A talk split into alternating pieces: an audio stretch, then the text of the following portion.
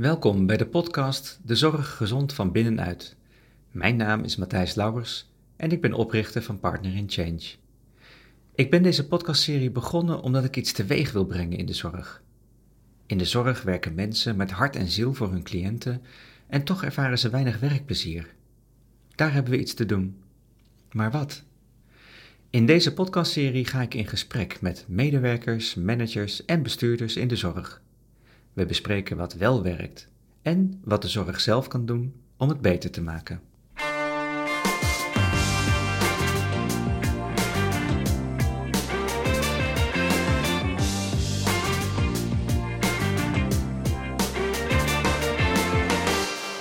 Ja, want we zitten hier um, uh, nou, bijeen om, om een hele mooie proloog eigenlijk van onze podcast uh, serie op te nemen.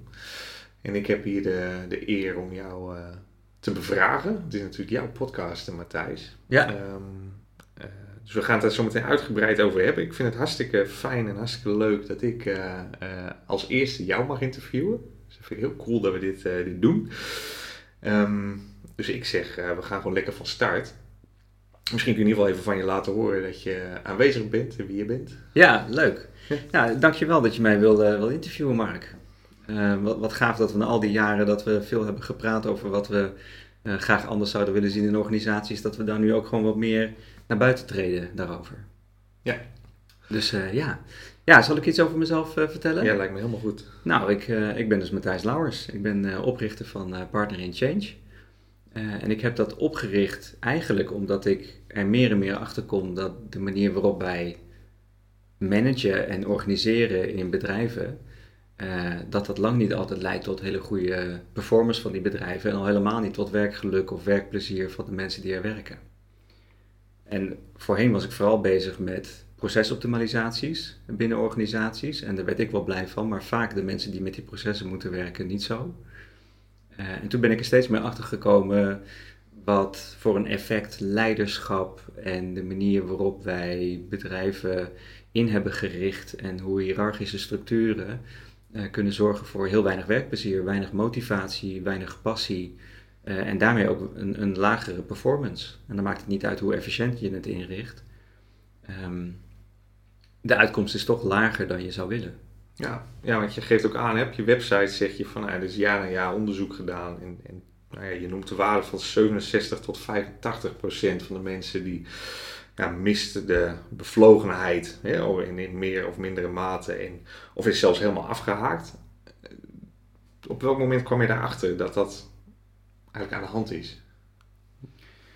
Nou, weet je, ik, volgens mij was het 2015 of 16, toen las ik het boek um, Reinventing Organizations van Frédéric Laloux. En die kwam met, met een studie van, uh, van Gallup, die wordt elke twee jaar uitgevoerd en, en die kwam met die resultaten. Uh, maar het blijkt dat die resultaten al jaar in, jaar uit ongeveer op hetzelfde neerkomen. Dat inderdaad twee derde tot drie kwart uh, van alle werknemers, en dat is een wereldwijd onderzoek, uh, die, zijn, die zijn disengaged. Die zijn gewoon niet meer betrokken bij het werk wat ze doen. Misschien nog wel inhoudelijk, maar dan zijn ze al helemaal niet meer betrokken bij de organisatie waarvoor ze werken. Ja. En, en toen viel er een kwartje bij mij. Ik dacht in één keer bij mezelf, ja maar wacht even, nu begrijp ik wat ik om me heen zie. Al die mensen die aan het koffieapparaat ja, aan het klagen zijn en, en aangeven waar ze ontevreden over zijn, of aan het roddelen zijn over anderen, uh, uh, of, of politieke spelletjes bedrijven om te kijken of ze toch maar dat budget er doorheen krijgen, heeft hiermee te maken. Heeft ermee te maken dat ze niet meer echt geëngageerd zijn, niet meer echt betrokken en bevlogen zijn in het werk wat ze doen. Ja, ja want het is mooi, want je noemt Frederik Laloux, hè? dat is iemand die terugkomt in, in sowieso wat je doet, hè, wat je uh, vertelt. Ja. En, um, nu heb je natuurlijk ook een serie uh, webinars gehad. Ja. Uh, zeker in coronatijd, hè, op afstand. En noemde jij hem ook. Reinventing Organizations komt daar vaak in naar voren. hij heeft het natuurlijk in zijn boek over een stuk self-management en, en wholeness. Hè, die heb jij ook aangetoond. Um, dus dat onderzoek. En het werd mij eigenlijk altijd duidelijk dat jij voornamelijk bezig was met die wholeness aan het zoeken. Kun je daar eens iets over vertellen? Ja. Ja, Lalou beschrijft drie doorbraken in, in organisaties die het heel anders doen. eh, en waar, waar werkplezier eh, eh, super hoog is, maar waar de performance ook veel hoger is dan, dan bij andere bedrijven. En die drie doorbraken, een van die drie doorbraken is inderdaad heelheid of wholeness. En na het lezen van zijn boek dacht ik bij mezelf, als organisaties nou willen, willen gaan veranderen en, en betere organisaties willen worden, maar het op een hele andere manier durven te gaan bekijken, dan denk ik dat je heel goed bij wholeness kunt beginnen. En wholeness gaat voor mij over dat alle medewerkers in organisaties voelen dat ze helemaal zichzelf mogen zijn. Dus ik, weet je, ik geloof, hè, heel kort hoor, maar ik geloof dat eh, wij mensen in organisaties eigenlijk een soort van masker dragen. Dat we niet met, met alle energie die we zijn op ons werk komen. Maar wat we vooral meenemen zijn onze, onze mannelijke energie, onze ego-energie. En dat is de energie van resultaten willen halen, doelgericht, besluitvaardig, uh, ervoor gaan, uh, duwen. Een beetje die, die, die duwende energie. En waar komt dat vandaan, denk je, dat we dit doen? Ik vermoed dat het impliciet wordt verwacht.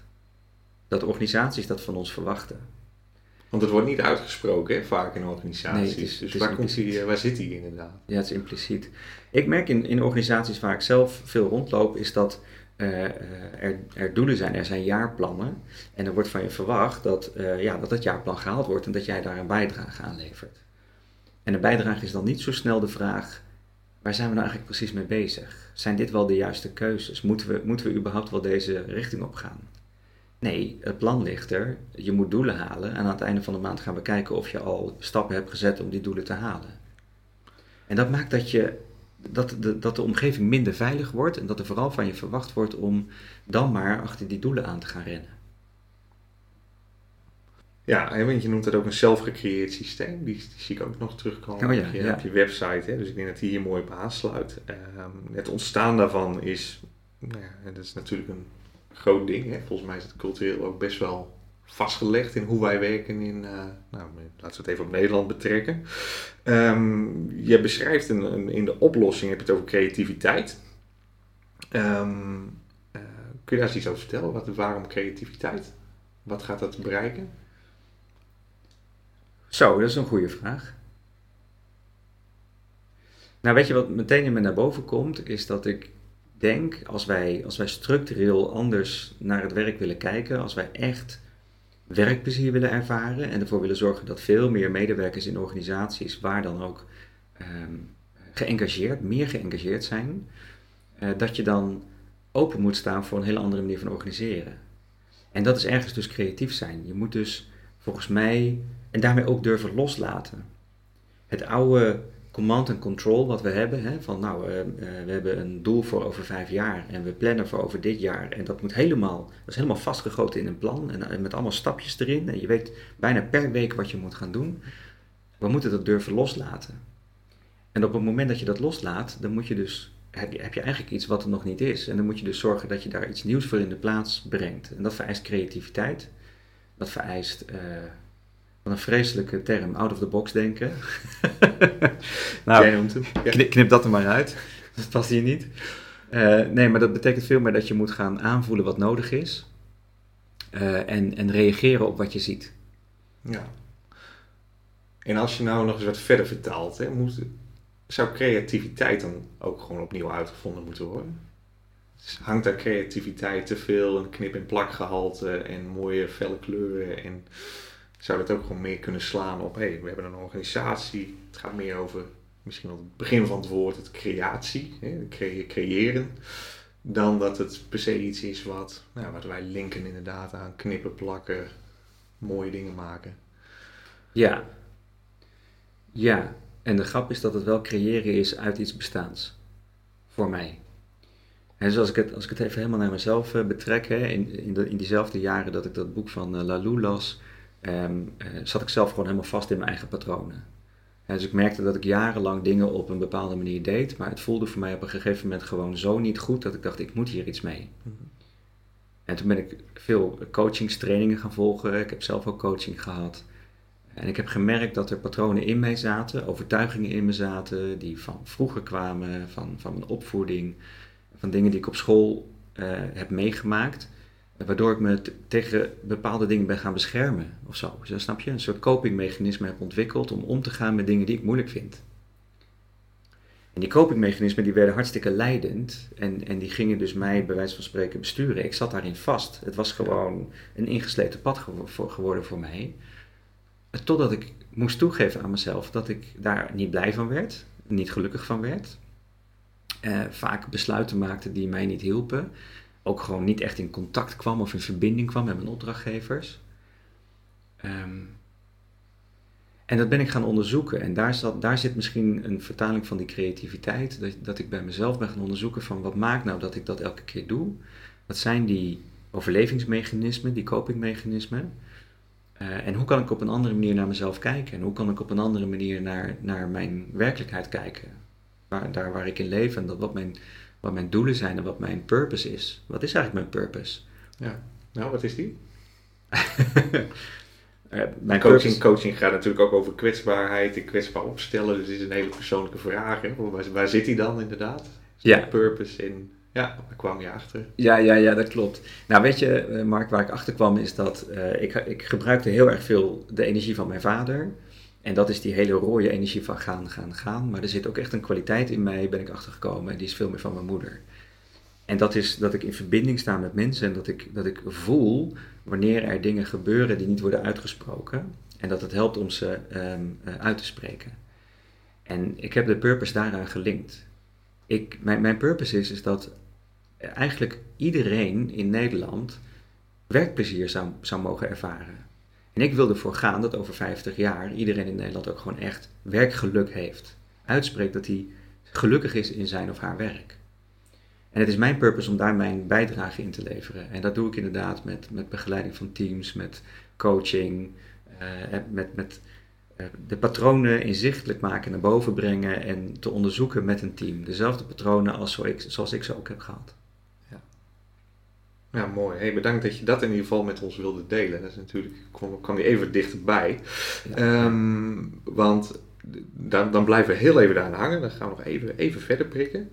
Uh, want je hebt het over dat je het zegt van ik, dat is een verantwoordelijkheidsgevoel dat ik, dat ik heb of heb gekregen. Hè? Dat je dat graag wil, uh, wil bijdragen aan de wereld om meer werkgeluk en werkplezier uh, in organisaties te krijgen. Je noemt ook bij het moment dat ik kinderen kreeg veranderde iets. Ja. Of misschien op het moment, misschien dat doordat ik kinderen kreeg veranderde er iets. Ja, ja goeie.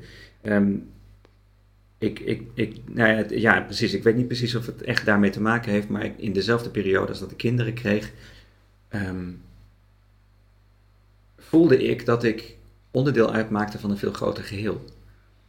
En dat ik meer te doen had dan alleen maar voor mezelf uh, een carrière opbouwen of een bedrijf willen opbouwen. Uh, iets anders begon belangrijker te worden. En dat is dat ik, dat ik deze wereld goed wil achterlaten voor mijn kinderen. Ik, er is een verantwoordelijkheid bij gekomen ik heb, ik heb iets te doen zodanig dat ook mijn kinderen het goed hebben als ik er niet meer ben. En als ik dat groter maak, als ik dat, dat breder trek, dan ben ik er om, uh, net, net zoals ieder ander volgens mij, om die wereld beter achter te laten, om ook te zorgen voor deze wereld. En dat heeft heel veel richting gegeven aan waar ik mijn werk wil doen dus in, in alle eerlijkheid, ik heb respect voor ze, maar ik, ik hoef echt niet te werken voor banken. Ik hoef echt niet diensten te verlenen aan advocatenkantoren. Ze zijn nodig, maar voor mij zijn ze niet de uh, sectoren die iets doen voor een betere toekomst. Maar dat doet die zorg bijvoorbeeld wel, en met name de jeugdzorg. Die is zo belangrijk. Ja, want hier maak je een mooi bruggetje, want dat is inderdaad van ook de kant die we nu eens op zouden kunnen gaan van waar richt jij je nou op? Hè? We weten nu de, de, purpose die je hebt. Uh, het achterlaten van een, een betere wereld. Uh, in, ieder geval als het aankomt op werkgeluk, werkplezier. Uh, nou, je hebt met ons gedeeld waar dat dan uit voort zou komen. Um, en dan zou je inderdaad zeggen, nou, welke branches, sectoren richt je op? Nou, zorg weet ik van je dat dat een, een aandachtspunt is. Um, ja. ja, een inkoppertje. Waarom de zorg? ja. Nou, het is eigenlijk met name uh, sinds vorig jaar hebben we natuurlijk die coronacrisis uh, is gestart. Toen kwam meteen de, de zorg flink in het nieuws. Hè. De druk op de zorg was heel erg hoog geworden ineens. in de verzorgingstehuizen waren er drama na drama, waarbij zoveel mensen in één keer kwamen te overlijden vanwege corona. Omdat we gewoon simpelweg ook nog niet wisten hoe we, dat, hoe we daarmee om moesten gaan. Dus de druk op de zorg werd heel erg hoog. en naarmate ik me er meer in ben gaan verdiepen, kwam ik erachter dat de druk op de zorg eigenlijk altijd al heel erg hoog is geweest. Of in ieder geval veel hoger is geworden sinds uh, de WMO, uh, de nieuwe WMO-wet uh, in werking is getreden in 2015 en de gemeentes een deel van de zorgtaken op zich hebben genomen. Um, en dat heeft geleid tot, tot enorme werkdruk in, in de zorg, in de jeugdzorg, ouderenzorg, langdurige zorg. En wat me, wat me is opgevallen, uh, hoe meer ik erover las, hoe meer ik zag dat zorgmedewerkers met frisse moed beginnen in de zorg, nieuw binnenkomen, maar vaak binnen twee jaar alweer het beu zijn, afhaken. En dus je ziet dat ze uh, het, grootste ziekteverzuim, het hoogste ziekteverzuim van Nederland hebben. Een gigantisch verloop hebben uh, in het personeel. en toen dacht ik, ja, nee, maar dit, dit is zo'n bijna schrijnend voorbeeld van, van hoe organisaties niet goed georganiseerd kunnen zijn. Waarbij regels, procedures, verantwoording, um, uh, je moet voegen naar regels van de inspectie, zo dominant zijn geworden. En de primaire zorg aan patiënten of cliënten eigenlijk een onderschoven kindje is geworden. Dat zorgmedewerkers gewoon niet meer met plezier naar hun werk gaan en in een burn-out terechtkomen of gewoon meteen stoppen. Ja, en dat is, ik vind dus dat de zorgsector daarin eigenlijk een beetje, zelf een beetje ziek is geworden. En, en in zo'n modern welvarend land als Nederland vind ik dat dat niet moet kunnen. Dus, dus ik wil daar wat mee. Ik vind dat ik daar wat mee moet doen. Ja. Ja, want die urgentie die beschrijf je eh, ook, daar komen we zo meteen nog even op. Uh, even terug, want, want, wat jij nu noemt over de zorg, hè, dat is natuurlijk een beeld. Ik kan me voorstellen dat veel meer mensen dat beeld hebben. Ik kan me ook voorstellen dat een ander beeld heerst. En dat zou misschien wel iets meer zijn van hoe we het graag zouden willen zien. En dat zorg natuurlijk ook iets heel moois kan zijn. Ja. Um, als je hem zo beschrijft, hè, want er zit natuurlijk best wel een, een, een hangt een, een, uh, een, negatieve lading aan van wat daar gebeurt in die organisaties.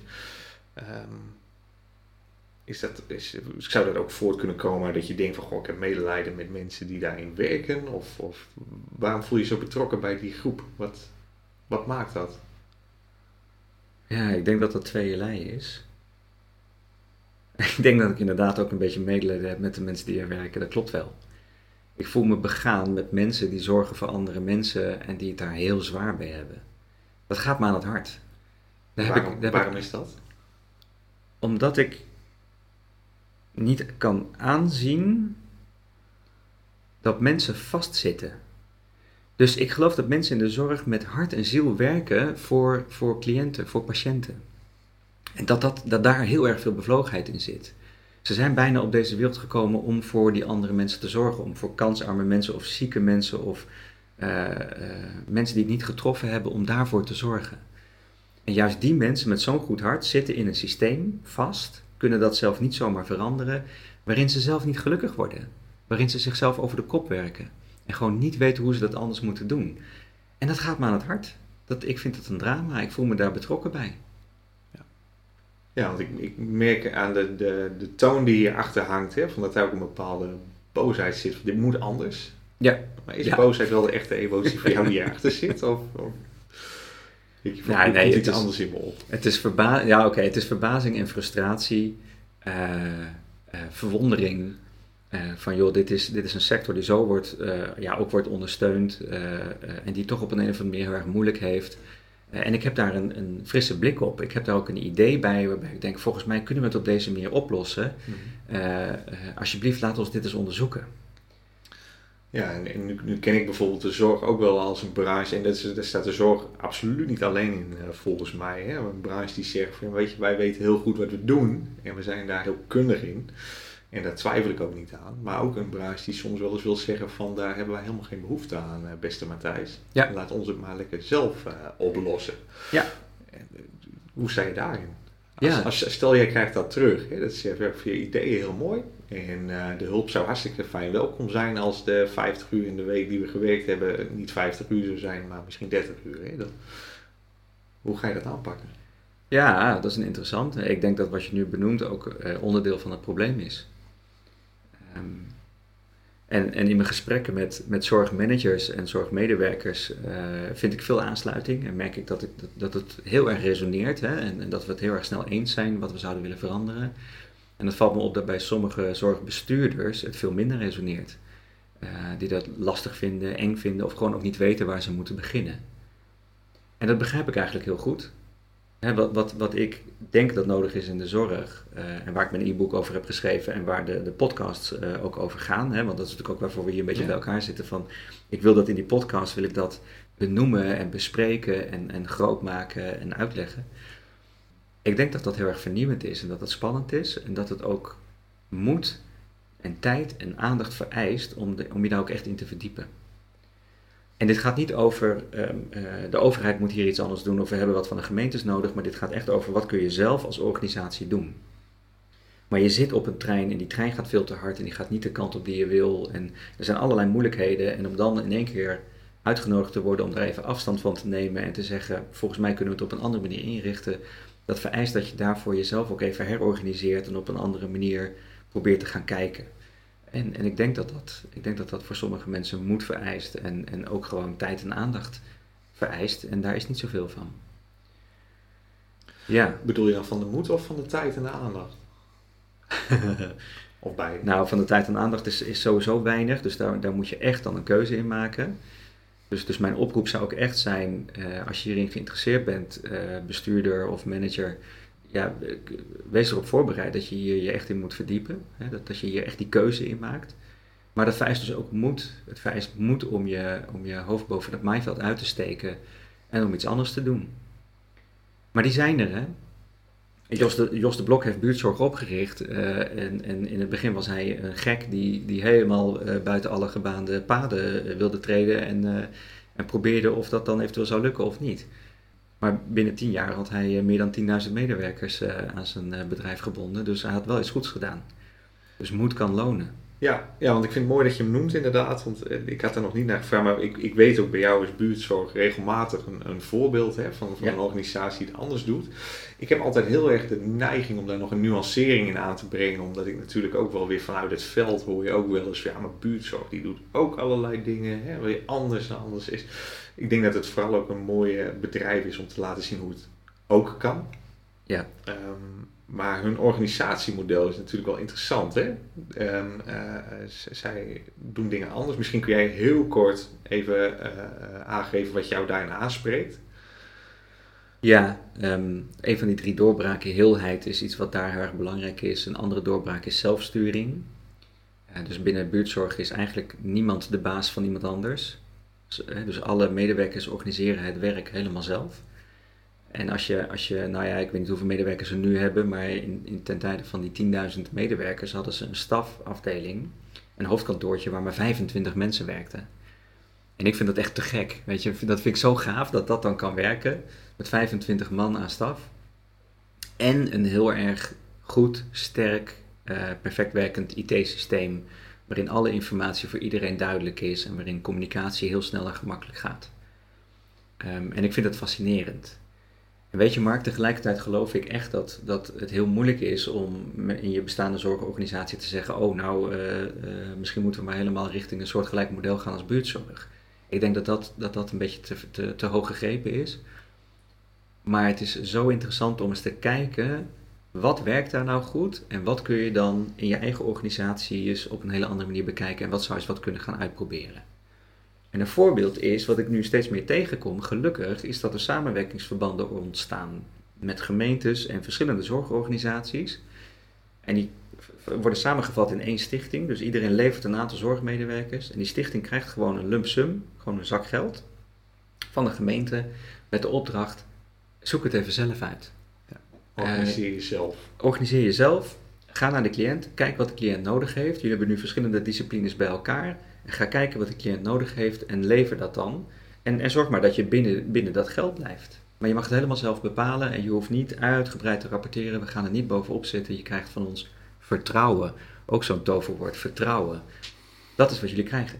En wat je ziet is dat die, die, dat begint eerst als een pilot en na twee jaar evalueren is het gewoon, ja, dit moeten we gaan doen. Want de cliënt wordt er blijer van, de zorgmedewerker wordt er blijer van en er is geen budgetoverschrijding. Ja, dit is toch wat je wil? Ja, want dan zou je zeggen, het cirkeltje is weer rond, hè? Want dan kom je eigenlijk ook helemaal terug bij wat jij natuurlijk wil met partner in change, hè? Wat jij op visie zit, uh, dat zou je bewijzen van op Laloes en theorieën leggen. En dan, uh, als je het implementeert in zorgorganisaties, dan ben je er.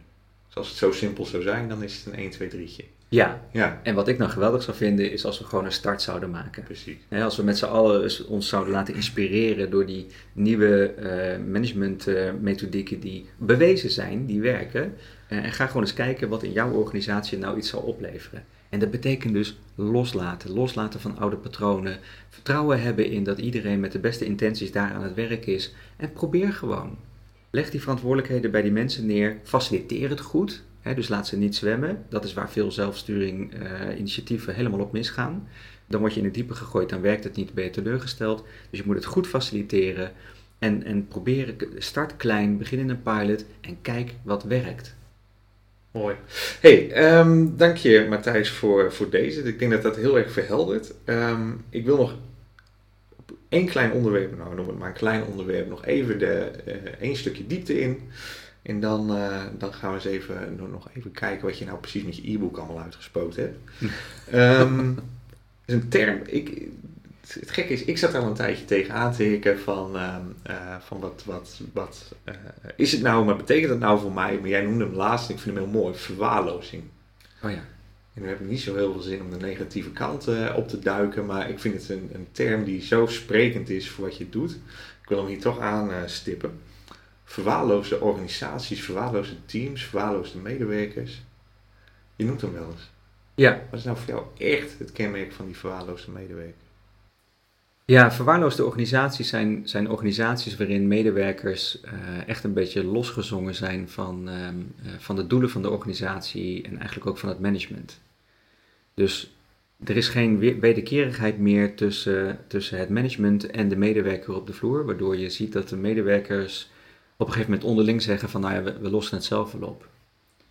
Op hun manier.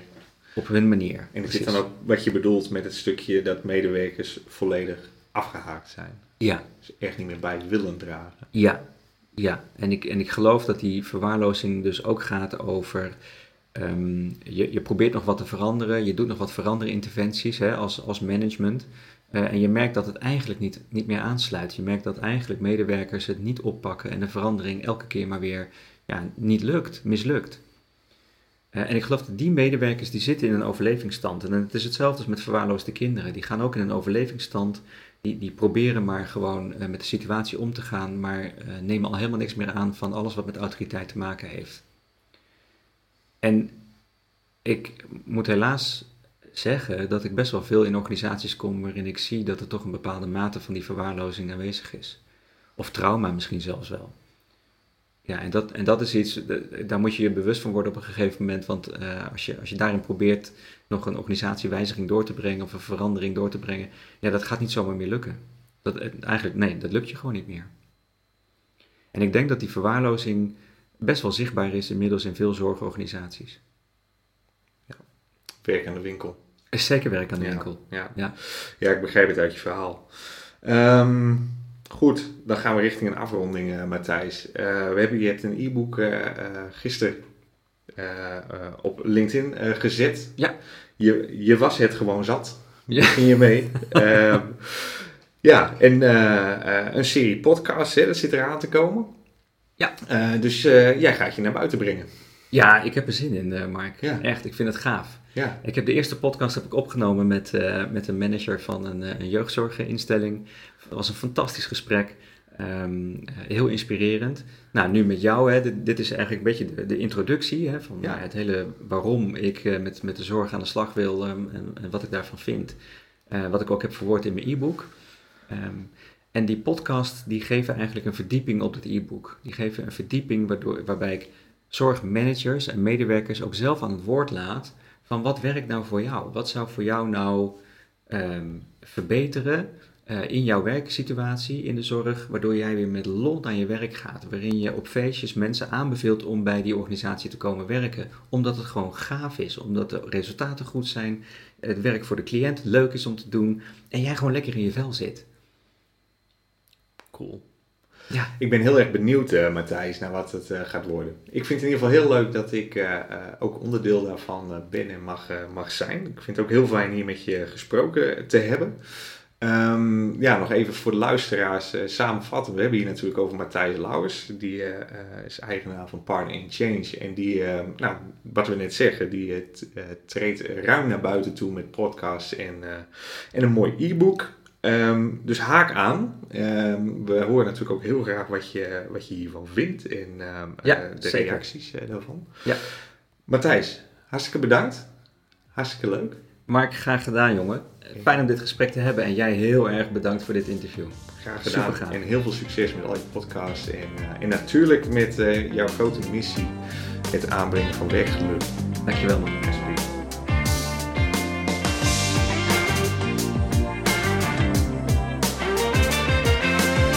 Vond je dit een interessant gesprek om naar te luisteren? Abonneer je dan op deze podcast via iTunes, Spotify of je favoriete podcast app.